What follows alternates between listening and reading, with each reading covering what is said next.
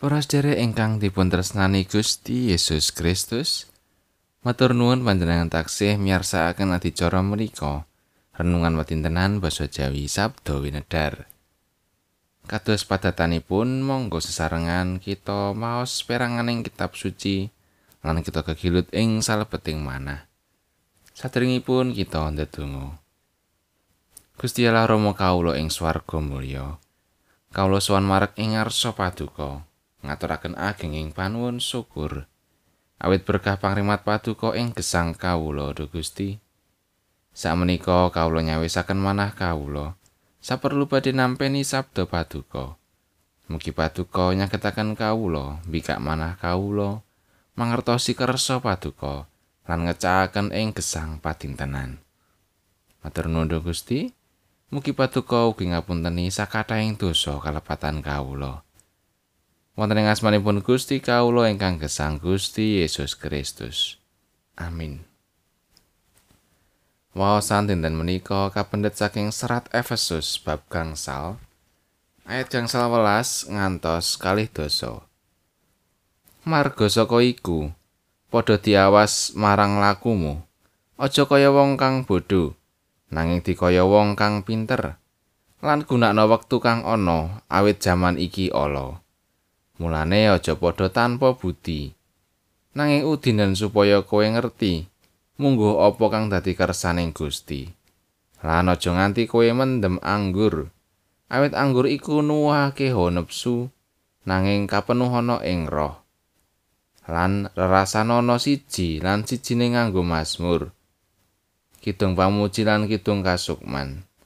Ngidung lan surak-surak o kagem Gusti kanthi tulusing ati. Tansah saoso syukur marang Gusti Allah Sang Rama kita. Tumrap samu barang kabeh atas asmane Gusti kita Yesus Kristus.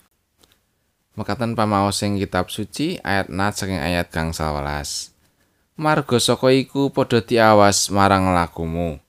Aja kaya wong kang bodho, nanging dikaya wong kang pinter. Dadi wong kuwi aja sembrono. Tegesipun bilih saben tiyang kabrek supados nglampahi gesang kanthi ngatos atos.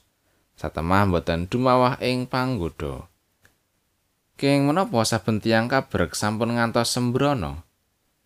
Awit sikap sembrono menika badhe ndatengaken bilai tumrap dirinipun piyambak menapa dene tiyang sanes.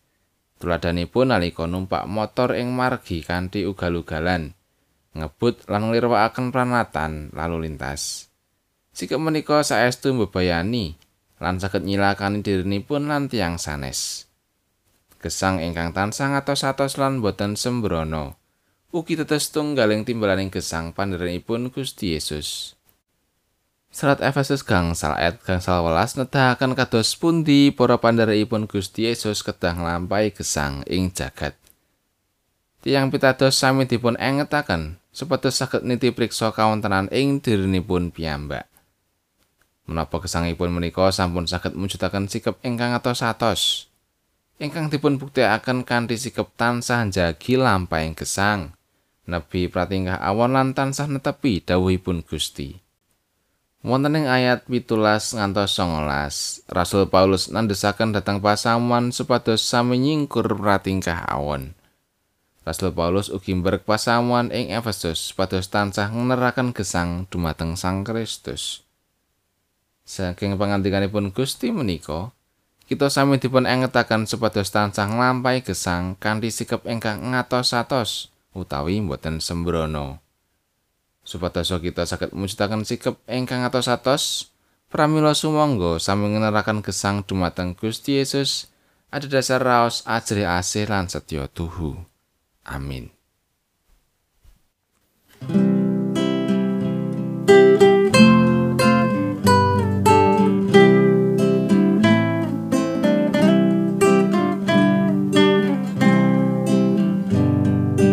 Dekating mana kawula dan sandere mring Gusti.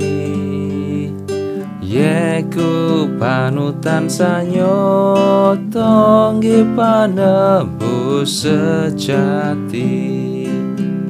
Margining salepingam ring Allah babar tresno sejati Bre jagat tentrem pasuki